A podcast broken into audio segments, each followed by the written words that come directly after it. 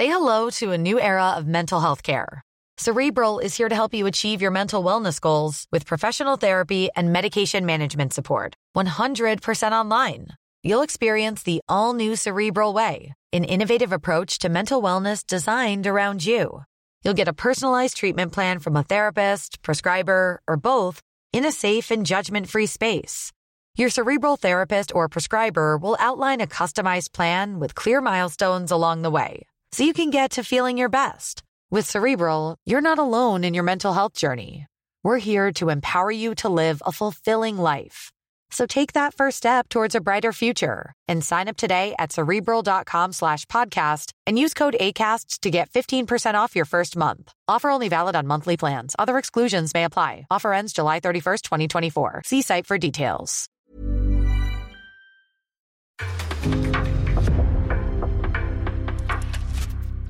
En podcast från Aftonbladet.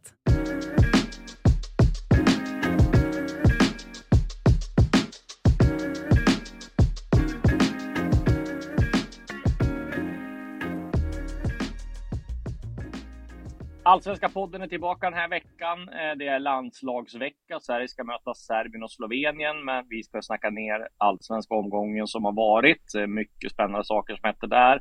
Som hände där. Först Linn, berätta lite grann. Du har varit iväg på den här landslagssamlingen. Vad, vad hände där första dagen? Mm, nej, men det är som vanligt att det är eh, Jan Andersson som har show på podiet. Han var på väldigt, eh, väldigt bra humör eh, igår ska, ska tilläggas. Det kändes som att han, han måste nog komma in med den typen av energi och pumpa in den i den här truppen efter de fyra matcherna som de hade senaste samlingen. Ja, det får man ändå säga. Och ja, det var historiskt dåligt då får man säga, men, ja, men det är väl en del återbud nu också. Eh, Martin Olsson eh, har lämnat återbud och sen var det nio andra. Bland annat mittbackarna Jocke Nilsson och Alexander Milosevic. Alltså det är ett litet stukat landslag, och, eh, men det, det blir spännande att se.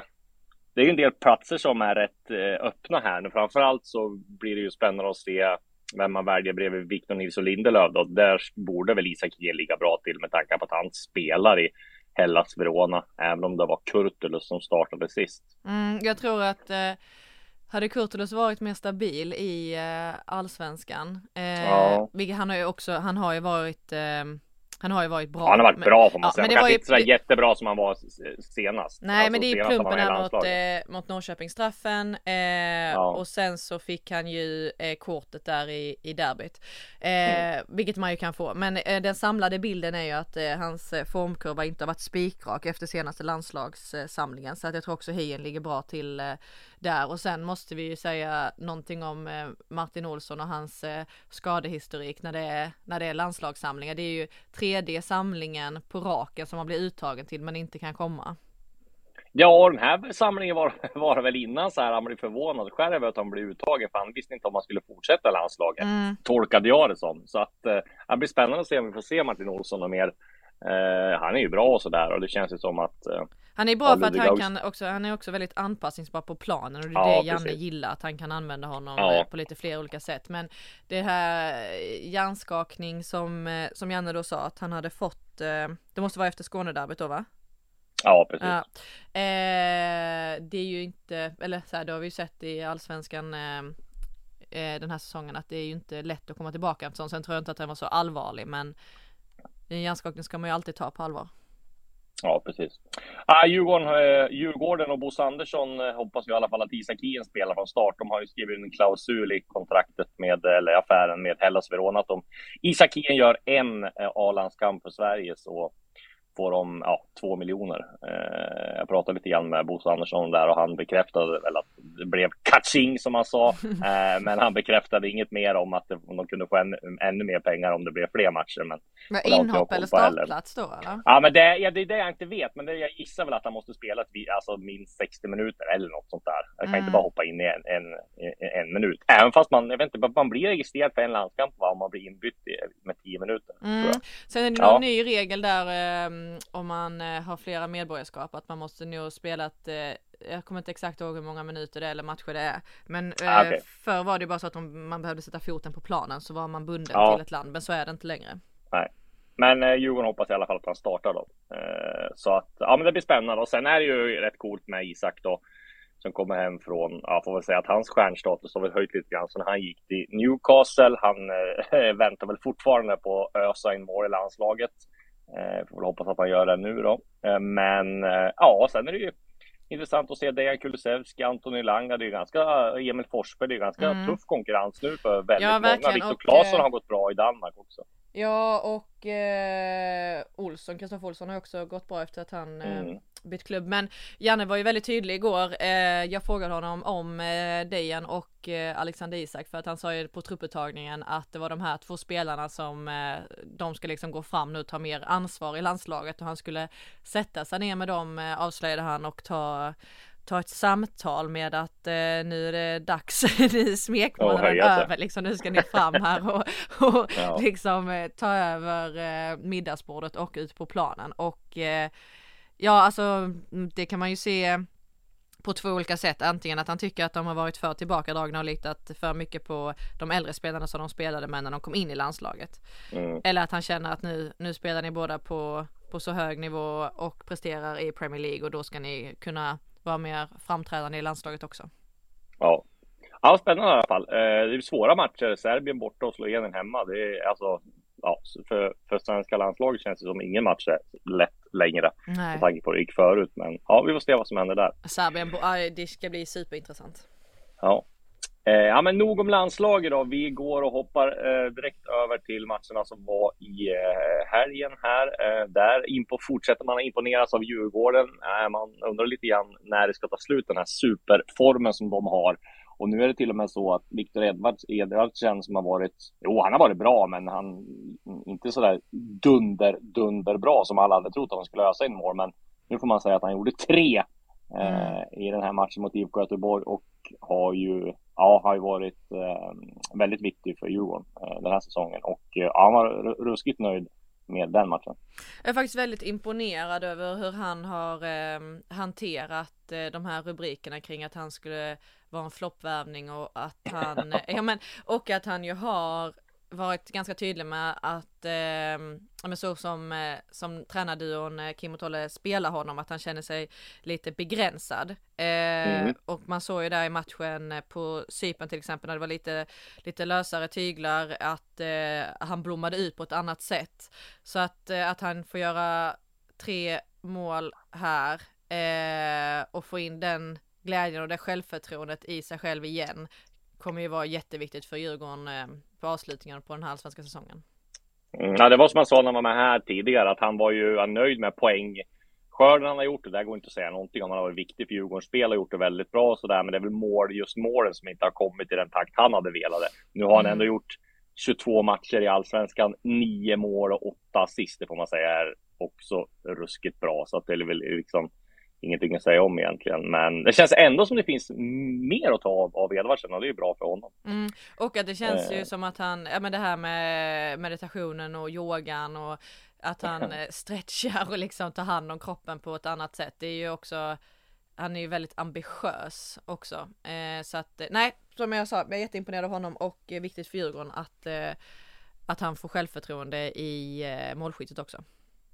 Sen får man säga att det är ju en horribel straff de får där Djurgården när bollen tar i magen på stackars Bångsbo där. Och, nej, det, tyvärr, vi har ju inte pratat så mycket om det här lyftdomsluten så här, men det har ju varit väldigt många domslut eh, just på slutet här tycker jag som har varit väldigt konstiga. Och, ja, men framförallt var det ju eh, Kalmar hade ju en boll inne där ja, mot Norrköping också. Eh, där var det ju också så här, bara, vad är det som händer? Eh, och där eh, reagerar jag lite grann på Alexander Axén, eller Karin Frick var det som lyfte, lyfte frågan om att, eh, ja men borde inte Oskar Jansson eh, alltså räcka upp liksom handen och sagt att, uh. räckt upp handen och sagt att den och då rasade både Fjällström och Axén bara, men nej, så är det absolut ingen som gör. Det finns ingen som gör så. Det är ju rätt historielöst. Det är bara att gå tillbaka, säga vad man vill om Paolo Di Canio, ingen favoritspelare för min del eh, i slutet av hans karriär, men han eh, Eh, det är ju, finns ju den klassiska fair play-grejen där när han får, kommer eh, ett inlägg eh, från höger och han spelar i West Ham och målvakten skadar sig i situationen innan. Eh, och så kommer ett inlägg och ska han bara lägga in bollen öppet mål, då tar han ju ner bollen med handen och så säger han bara, men titta målvakten låg där eh, nere, vi måste blåsa av match, eller blåsa av liksom. Och då så blåste de av. Han fick ju någon form av fair play pris för det också. Så det är klart att sådana situationer finns ju. Därmed säger jag Oskar Jansson eh, borde ha gjort så, men eh, det är inte konstigt att eh, Karin Frick lyfter frågan tycker jag. Nej, absolut inte och, och eh, jag vet inte, de förklarade ju ändå eh, rätt så ingående där med hur man ser att han byter hand sen när han tar Ja, ut exakt. bollen så att jag, jag förstår att om det var fjärde domaren, att han står och inte kan se att han är skymd men om man, om man ser att det tar så lång tid, spelarnas reaktion och sen så ser man att han har ett litet onaturligt rörelsemönster när han tar ut bollen, då kanske man kan lägga ihop ett plus ett. Ja, exakt. Men det där, jag som jag var inne på tidigare, jag vill inte heller ha VAR i allsvenskan liksom, eller alltså, en, form av VAR i alla fall. Kan man inte bara sätta en reprisskärm nere vid bänkarna då? Alltså någonstans, så kan domaren få hjälp att kolla på, på den två, tre gånger. Alltså det tar ju inte så lång tid. Mm. Det borde vara ett hjälpmedel som de börjar ha istället för att liksom ha något det, som de ska gå upp och kolla i och ta tid. Liksom. Ge domarna liksom chansen att se några repriser till på en skärm där nere. Med målkamera i alla fall. Liksom. Ja, målkamera, ja precis. Ja, men det är en annan, eller målkamera menar jag, ja, det är ju, vad heter det, liksom, det är en annan sak. Mm. Men just att få se repriser tycker jag hade kunnat gjort eh, så att det blev enklare för att Ja, alltså det är, ju, det är ju extremt många domslut varje gång tycker man. Ibland är det så här som man tror att domarna jobbar för att få fram VAR, liksom, för de vill ju såklart ha det. Mm. Men nej, det, det lär väl inte Alltså vi satt ju på, eh, vi satt ju på eh, Friends när den här matchen var på Tele2 så jag fick ju se Mm. den i, i efterhand. Eh, Mm. Och då är det ju jättelätt och när man får se repriser och Ja. se hur att det är svaga straffar. Men ja, nej, jag vet inte fan, det är skitsvår diskussion. Det är Ja. trist, eh, men eh, det är trist när, när det blir så mycket fokus på det under en omgång. Ja, exakt. Och det känns som det har varit lite för mycket. Det känns som vi säger varje säsong, men det blir ingen bättre. Men, men.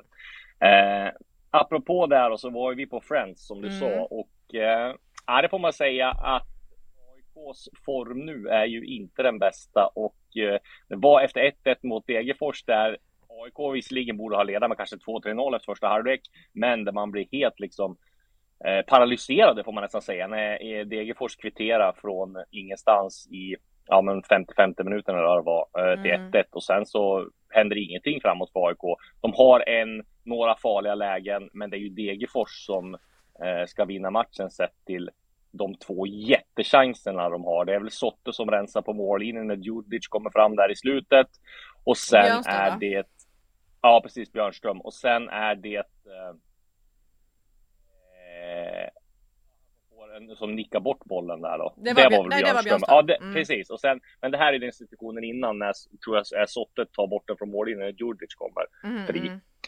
Eh, så att det var ju två jättelägen och sen hade AIK ett läge också i och för sig. Men nej, och det var väldigt mycket avgå-krav och jag, vi hörde ju, satt ju bredvid några som skrek på Jurelius att han skulle ta ansvar och avgå. Det var väldigt mycket frustration, inget, inget ovanligt, men eh, AIK är under press och ja, fortsätter de spela som de gör nu så kommer de absolut inte komma topp tre, även fast det bara skiljer två poäng Mm. till Hammarby tror jag, för jag tror att de andra lagen är så pass stabila i toppen. Men Ja, Men det Ja, var ju de har- verkligen eh, om man ska citera Ulf Lundell, ett hus av kort. Eh, för att när de släpper in det där 1-1 målet, då är det ju som att allt självförtroende försvinner. Det AIK Mm. har stått för i typ två säsonger med deras försvarsspel, att det är liksom helt eh, utraderat och deras minnesbank att de är, eller åtminstone har varit, allsvenskans bäst försvarande lag. Mm. Och sen så, men det var ju som Nabbe, mm, Nabil Bahoui sa till oss också efter matchen, han var ju alltså jättehård i sin kritik mot eh, hur AIK agerar ute på planen, alltså både efter 1-1 men också innan det. Att han sa att förra, förra säsongen så stod jag och eh, berömde vårt försvarsspel eh, jättemycket och var kritisk till hur vi är eh, i det offensiva spelet. Han bara i år är det, i år är det helt tvärtom. Jag vet inte hur många nollor vi har hållit men det är alldeles för dåligt. Han, och så sa han så här, vi springer ihjäl oss där uppe men vi kan inte försvara oss också. Say hello to a new era of mental health care. Cerebral is here to help you achieve your mental wellness goals with professional therapy and medication management support. 100% online. You'll experience the all new Cerebral Way, an innovative approach to mental wellness designed around you. You'll get a personalized treatment plan from a therapist, prescriber, or both in a safe and judgment free space. Your cerebral therapist or prescriber will outline a customized plan with clear milestones along the way so you can get to feeling your best. With Cerebral, you're not alone in your mental health journey. We're here to empower you to live a fulfilling life. So take that first step towards a brighter future and sign up today at cerebral.com slash podcast and use code ACasts to get 15% off your first month. Offer only valid on monthly plans. Other exclusions may apply. Offer ends July 31st, 2024. See site for details. Nej, exakt, exakt. Och, eh, men det jag, det jag tyckte var konstigt också, det är att de har ju, det är ju Nabbe liksom också eh, med i, liksom, de har ju så många erfarna spelare som har varit med om sådana här situationer förut. Det ska inte behöva bli så där paralyserat som det blir. Och, men det känns fortfarande som de inte har hittat den där tryggheten i, i försvaret och det är konstigt också för de har, det är ju liksom samma spelare i princip. Eh, mm. Som, nej, det är jättemärkligt. Och, nej, jag vet inte. Är det då liksom Milosevic som eh, jag vet inte att, att han kan sakna så mycket. Guidetti saknar de ju om man säger, där han var i någon form av referenspunkt i anfallet, får man ju säga. Men eh, där var det, får man säga, väntat också att det skulle bli så här skador, hej, fram och tillbaka, tyckte jag i alla fall. Men eh, han får ju sin eh, beskärda del av kritiken han också nu, eh, Gudetti, som, ja, nej, de har väldigt mycket att tänka på. Och utöver det då. Men Degerfors, de ju... man ska ju också säga, de eh Eh, högg ju också på alla misstag som AIK gjorde och deras ja. mål eh, absolut att det är en tilltrasad situation och att det är lite turligt men eh, det, var, det var inte helt oförtjänt att de fick in ett mål i alla fall. Sen skulle ju AIK ändå ha vunnit den matchen men tycker ändå att Degerfors stod upp bra. Ja absolut och imponerande. Bra insats att komma tillbaka framför allt. Men det som eh, också är oroande och eh, som jag reagerade på i mixade zonen efteråt det är ju Sebastian Larsson och Micke Lustig det var inga klara besked där på att de var eh, nära på att skriva Nej. på nya kontrakt. Nej, det tror jag absolut inte. Det tror jag att eh, de kommer nog ta ett beslut sent här. Och... Nej, jag vet inte. Det känns som att AIK även nästa säsong måste de börja om på något vis. Eh, så kommer de genomgå lite av ett generationsskifte tror jag. Om man tittar på truppen nu då så är det väl, ja men Micke Lustig och Seb Larsson säger att de försvinner. Nabbes kontrakt går ut. Otieno vill väl bort, eh, men han kan inte säkert att han, eh, att han blir så. Pertan lägger väl av. Mm. Eh, du har Ayari som kommer säljas. Bilal som vill säljas, men där finns det väl inga köpare än så länge. Uh, Milosevic vet vi inte heller hur... Milosevic vet vi inte. Där finns det ju utländskt intresse, men det är väl han då som ska vara någon form av stabil grund att stå på. Men det känns ändå lite... Mendes vet man inte vad som händer med heller. Han kanske också säljs. Mm. Så att uh, det kommer bli... Ja, vad händer med Vincent Till till exempel? Saka mm. Elbo Seidi lär de väl göra sig av med, kan jag tänka mig. Fan, Nämnde du Bahoui? Upp till förväntningarna. Ja, Bahouis kontrakt går ut liksom. Mm. Så att nej, AIK kommer. Och, och det jag menar, den här trippel A-försäljningen räddar ju upp hela säsongen för AIK. För jag menar, hade de inte haft den och inte haft några pengar, då hade det ju sett nattsvart ut får man ju säga. Ja. Även då fast de kan komma topp tre och rädda upp det ändå. Men jag menar, det, det gör man ju. Eh, den har ju räddat väldigt mycket. Så att nej, men AIK har väldigt mycket att fundera över. Och Henrik Jurelius som han, eh, ja, inför nästa säsong så får han nog rejält med att fundera över vilka värvningar han ska göra och känns inte som han har råd med, med några missar alla typ Kurpic eller något sånt där. Ska han måste stå, äh, tycker du att det, det äh, är rimligt att de skriker avgå Jurelius? Tycker du att han ja, ska ta Ja, jag tycker inte, inte att han, nej men så är det väl inte.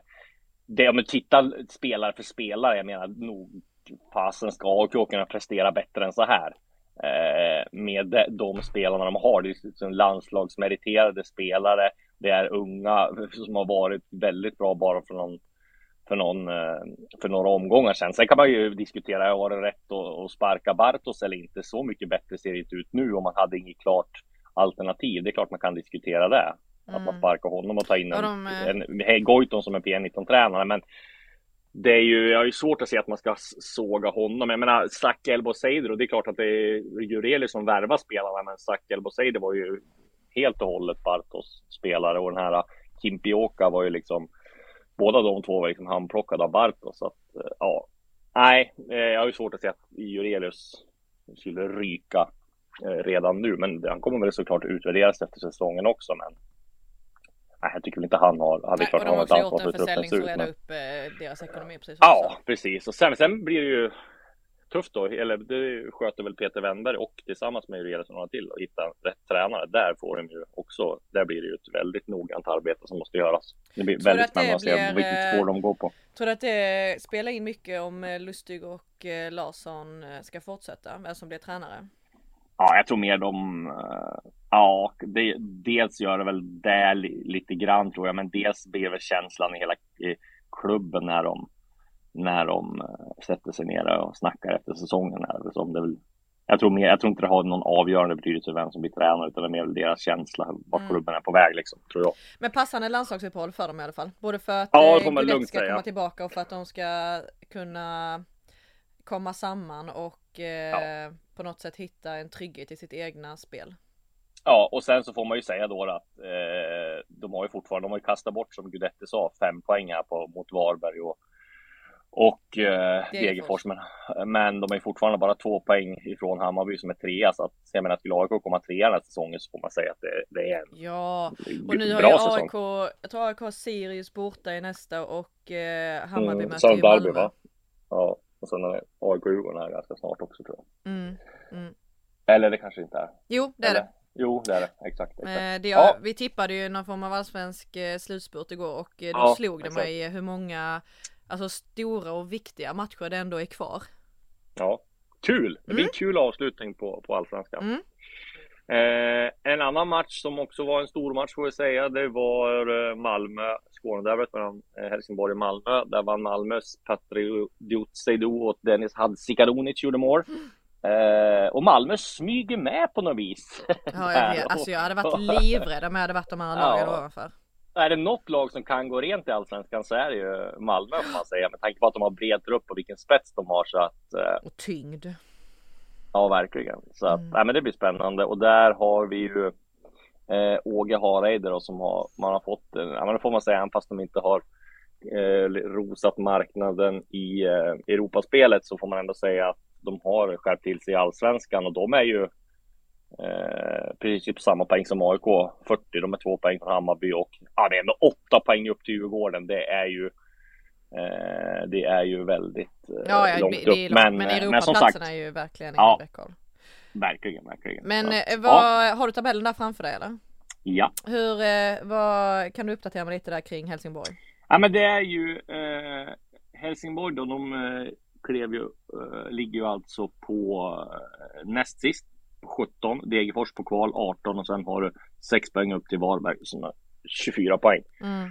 Så att, eh, det känns ju som att, eh, ja, det är Helsingborg och Degerfors som gör upp om kvalplatsen och sen så eh, GIF Sundsvall åker ur, minus 38, 11 poäng, bara tre vinster på 23 omgångar och fick ju bara 1-1 mot Mjällby och det gjorde man ju 1-0 i 77 genom Ronaldo Damus och eh, hade man hållit den ledningen eh, så hade man här, kanske haft ett visst hopp då. Nu är det Mm. sex poäng upp och nej, jag är svårt att se att Giffarna vinner typ eh, två matcher till och eller tre matcher till.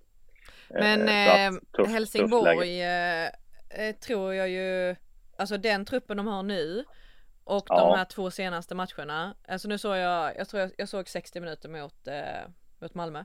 Men ehm, det är ju ändå ett, alltså en stor skillnad mot hur det såg ut när de började den här allsvenska Ja, säsongen. verkligen. Och de spelarna de har fått in nu eh, gör ju såklart skillnad för att de, Mm. det är erfarna spelare. Eh, så att jag tror inte det är helt omöjligt att, eh, att HIF gör en resa i, eh, i tabellen de här sista omgångarna. Men det vi kan konstatera, det är att det kommer att bli ett lag som åker ur som är riktigt vassa. Eh, För jag menar, Degerfors tycker jag är riktigt vassa, visar mot AIK. Mm. Eh, Jag tycker även att eh, Helsingborg har skärpt till sig på slutet. Att, att någon av dem kommer att åka ut om, om inget mirakel sker. Det, det känns lite hårt faktiskt. Eh, Det är Ja och alltså två väldigt bra lag. Ja och för HIF bara in lite alltså självförtroende för man såg ju deras omställningsspel att eh, de är, de är snabba och där vet de liksom hur de ska agera men också Mm. att de stundtals, alltså när de hamnar i underläge och känner sig pressade att eh, göra mål, att de ändå kan etablera eget anfallsspel också. Det är bara det att ett lag utan självförtroende har ju svårare att lösa det än att vara effektiva i omställningarna. Så jag tror att eh, jag vet inte vilka de möter i nästa omgång, men alltså får de in en seger där så, så tror jag verkligen att de kan klättra upp på en kvalplats ja. i alla fall. Absolut och de, äh, men som sagt, de har ju hittat rätt med värvningarna tycker jag också. De har gjort bra med Abbe Khalil och eh, Mushini och de här som har varit väldigt bra. Eh, Helsingborg möter Kalmar borta som är ganska tuff match. Just det, eh, just det. Det är ganska fina matcher nästa omgång. Malmö mot Hammarby på lördag och sen har vi Kalmar, Helsingborg precis. Varberg tar emot Häcken och sådär. Så, mm. sen är det El Vestico också, Göteborg mot Helsingborg. Så det blir spännande. Mm. Men vi ska hålla oss kvar vid omgången som var då. och där kan vi konstatera att Eh, Hammarby eh, har fortsatt svårt att knyta ihop säcken när det väl gäller. Visserligen väldigt tuff match, men eh, ja, där eh, hade man faktiskt. Jag hade trott faktiskt att Häcken hade ganska en del spelare borta. Jag hade ju trott att även fast eh, eh, ja, Häcken är väldigt bra, så när Hammarby tog ledningen där ganska tidigt så trodde jag faktiskt att de skulle ta hem det. Men så är det ju sånt olyckligt självmål av stackars Nathaniel Adjei mm. i 90 minuten. Som gjorde en jättebra match för övrigt. Ja, och där får man ju liksom eh, credda Hammarby också med den här satsningen på, på unga spelare. Eh, det är ju samma sak som de gjorde med Odilon en gång i tiden. Att de liksom, när det var, även fast det var viktiga matcher i Allsvenskan och han hade gjort en del misstag så fortsätter man att, att spela honom från start, Odilon, och det gav ju ganska mycket klirr i kassan får man säga. Här gör man samma sak. Det är en viktig match mot Häcken istället för att flytta ner, flytta in kanske Simon Sandberg eller göra, liksom, eh, och göra om i, i, på positionerna så kör man in Adjei och tror på honom och det tror jag man kommer ha stor nytta av. Eh, sen gäller ju bara att han inte eh, liksom grä, deppar ihop efter det här mm. utan eh, det är ju väldigt olyckligt att en ung spelare gör, det kan ju betyda väldigt mycket i slutändan men eh, jag tror ändå Hammarby gör rätt som fortsätter och tror på, på sin strategi med, med unga spelare och att det ger dem chansen. Så att, eh, det är också ett nej. otroligt läge Besara får i slutet alltså. Ja, hur, att han inte gör mål där alltså, det är sinnes. ja, alltså det... Eh, ja, fatta vad det kan göra sen när vi summerar det. Ja, nej, det kan bli kost, kostsamma missar. Men vad rolig match, kul att se. Ja, Eh, det får man säga ändå. Eh, det hände rätt mycket och det är ju två, det märktes faktiskt att det var två av allsvenskans bästa lag som möttes och framförallt spelar de väldigt fint offensiv fotboll. Antonsson eh, knapar in där på Jeremejeff också nu. Ja, och att det var han som skulle avgöra, det var väl inte speciellt oväntat. Han, nej, det är ruskigt imponerande och som vi har varit inne på tidigare, han måste ju gräma sig rejält stackars Antonsson. det, är som din, har gjort, det är din tes som, som du gjort, driver. Ja, ja, exakt. Ronaldo och Messi och Antonsson och Jeremejeff, där har vi den. Eh, Federer och Nadal. bara, exakt.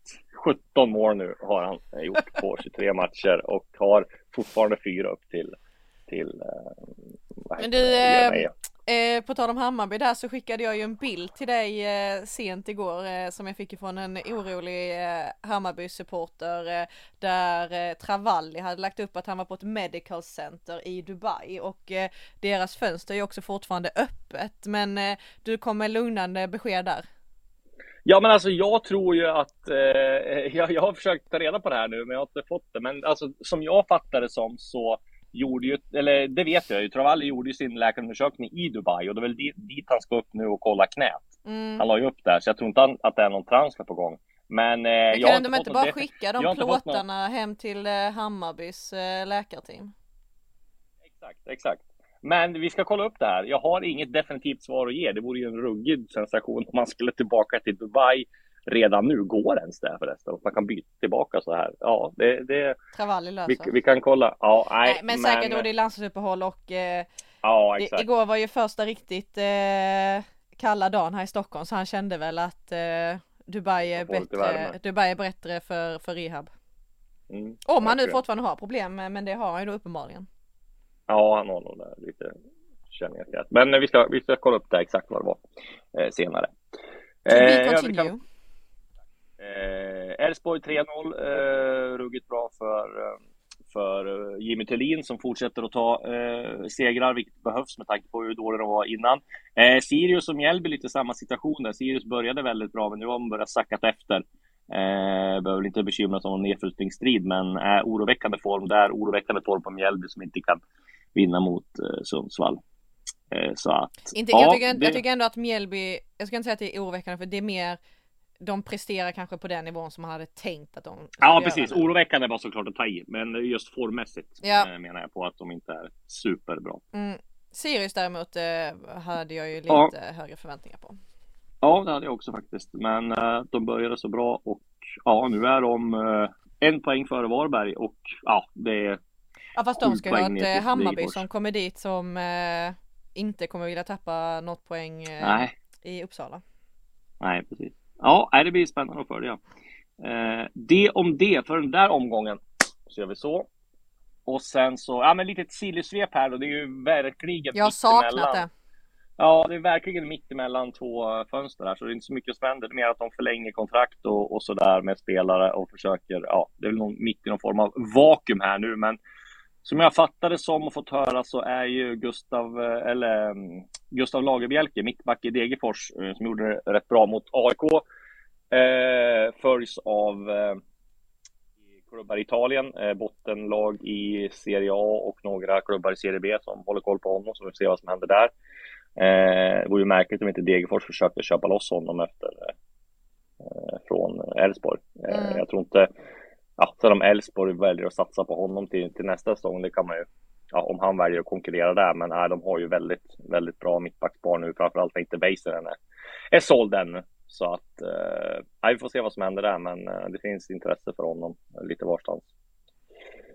Eh, något mer gällande silly season? Jo, men det var ju det att AIK hade kollat upp lite informellt här med, eh, de har, man skulle säga att AIK träffar väldigt många tränare och vill ju liksom ha haft möte med, med flera och man hörde sig för lite informellt med personer runt om Jocke Persson eh, för att kolla om de ville, han ville ta ett möte men det var inte intressant. Han är nog bara intresserad av Varberg och eh, i nuläget så siktar han väl på att komma utomlands om han inte ska vara kvar i Varberg. Mm. men mm. det är ju ingen det är inte förvånande att allsvenska klubbar får ryck i Jocke Persson. Det, han har ju gjort det väldigt bra sådär. Sen är frågan hur han skulle passa utomlands och hur han skulle passa i en allsvensk toppklubb. Det vet man inte. Mm. Men eh, ja, det var det. Det är sjukt eh, ändå att både. AIK och Malmö letar tränare. Ja, det är spännande tider. Man skulle vara tränare. Mm, och de lär ju få, det var ju som vi var inne på tidigare, de slåss ungefär om samma tränare. Mm. Ja, det är spännande att se vem de löser och vad som händer med Andreas Brännström till exempel som inte, som inte har eh, förlängt kontraktet. Känns lite, eh, skevt med att det är landslagsuppehåll för att man eh, är ju så inne i allsvenskan och alltså det känns ju som att nu ska det avgöras och det är så mycket, mycket matcher ja. som man väntar på. Samtidigt så är det ju också är trevligt för att det då dras ju den allsvenska säsongen ut så att det känns som att eh, man har mycket härligt kvar när eh, hösten är som bistrast. Ja, verkligen, verkligen. Ja, alltså det kommer bli en grym avslutning på allsvenskan både i toppen och botten. Det kan vi i alla fall slå fast. Det gör vi.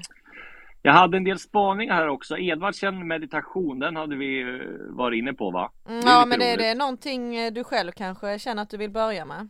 Ja, men det är helt ärligt nästan som jag börjar fundera på det nu för att få lite lugn och ro. Jag tror fan man skulle testa att meditera jag också. Alltså. Du och Eva sen tillsammans, lugn, jag, det kan jag, jag, kan filma det. Det, det kan vara bra problem. TV. bra TV. Eh, har du testat meditation? Eh, ja, det har jag, men bara på, bara på, um, på Ibiza. Så att eh, där kommer man ju i stämning direkt, men att jag skulle sätta mig och göra det här själv, det, det har jag jävligt svårt att se. Men det kanske hade varit bra. Man är ju inte, man är inte världens lugnaste person.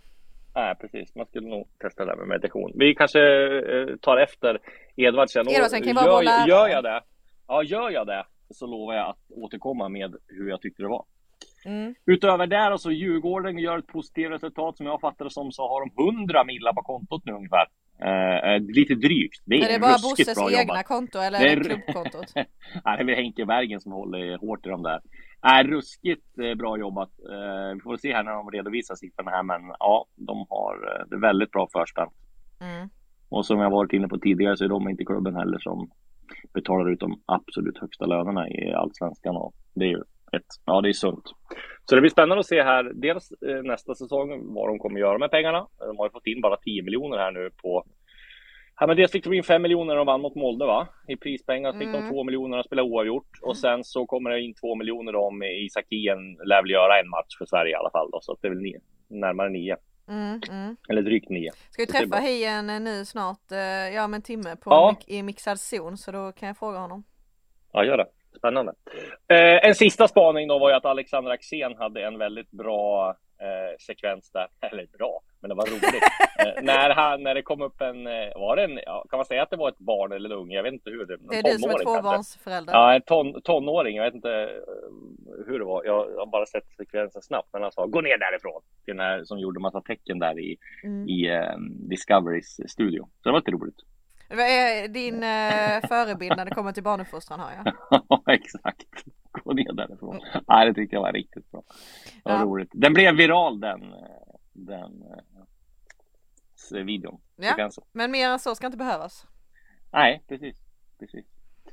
Du, eh, det var väl allt för den här veckan va? Vi eh, är tillbaka efter, eh, nej inte efter landslagsuppehållet. Det är väl, eh, det är väl eh, nästa vecka va? På tisdag Så nästa vi vecka så möter tillbaka. de Och då har Sverige spelat mot, Slovenien. mm, det blir eh, tuff match tror jag. Slovenien hemma med. Ja. Mm. Härligt. Du, eh, jag kollar på det här klippet igen nu. Eh, Barnuppfostran här. John Alvbåge twittrar så här. Här snackar vi multitasking. Fotbollsexpert och barnuppfostran på en och samma gång. Alec Axén, mina damer och herrar. Så att, ja, roligt. jag tror det är mest roligt för er föräldrar. Ja, inte så roligt för dem. Ja, precis. Ja, vi säger så. Med det tackar vi Alexander Axéns barnuppfostran för att avsluta den här. Eh, Jag tar med mig det. Eh, på återhörande. Hej. På återhörande. Du har lyssnat på en podcast från Aftonbladet. Ansvarig utgivare är Lena K Samuelsson.